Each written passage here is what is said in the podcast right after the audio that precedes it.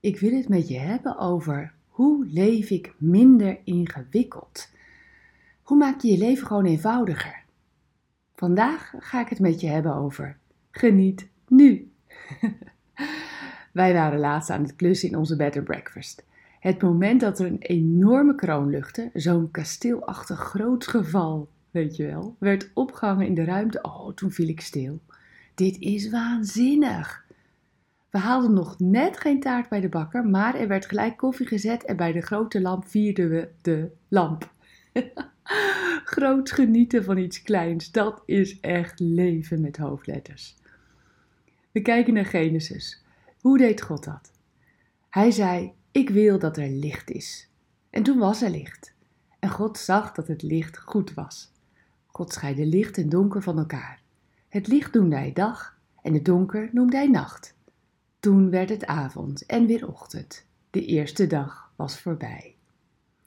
Wat zal onze schepper blij zijn geweest? Een feestmoment in de hemel, ik weet het zeker. Ook de aarde had nu licht. Gods licht maakt jouw licht letterlijk lichter.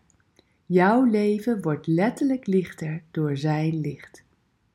Kijk, nadat hij zijn eerste klus had geklaard, zag God dat het goed was.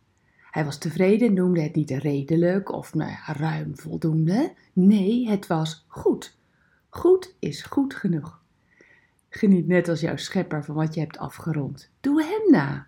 Hij is jouw ultieme bron van geluk.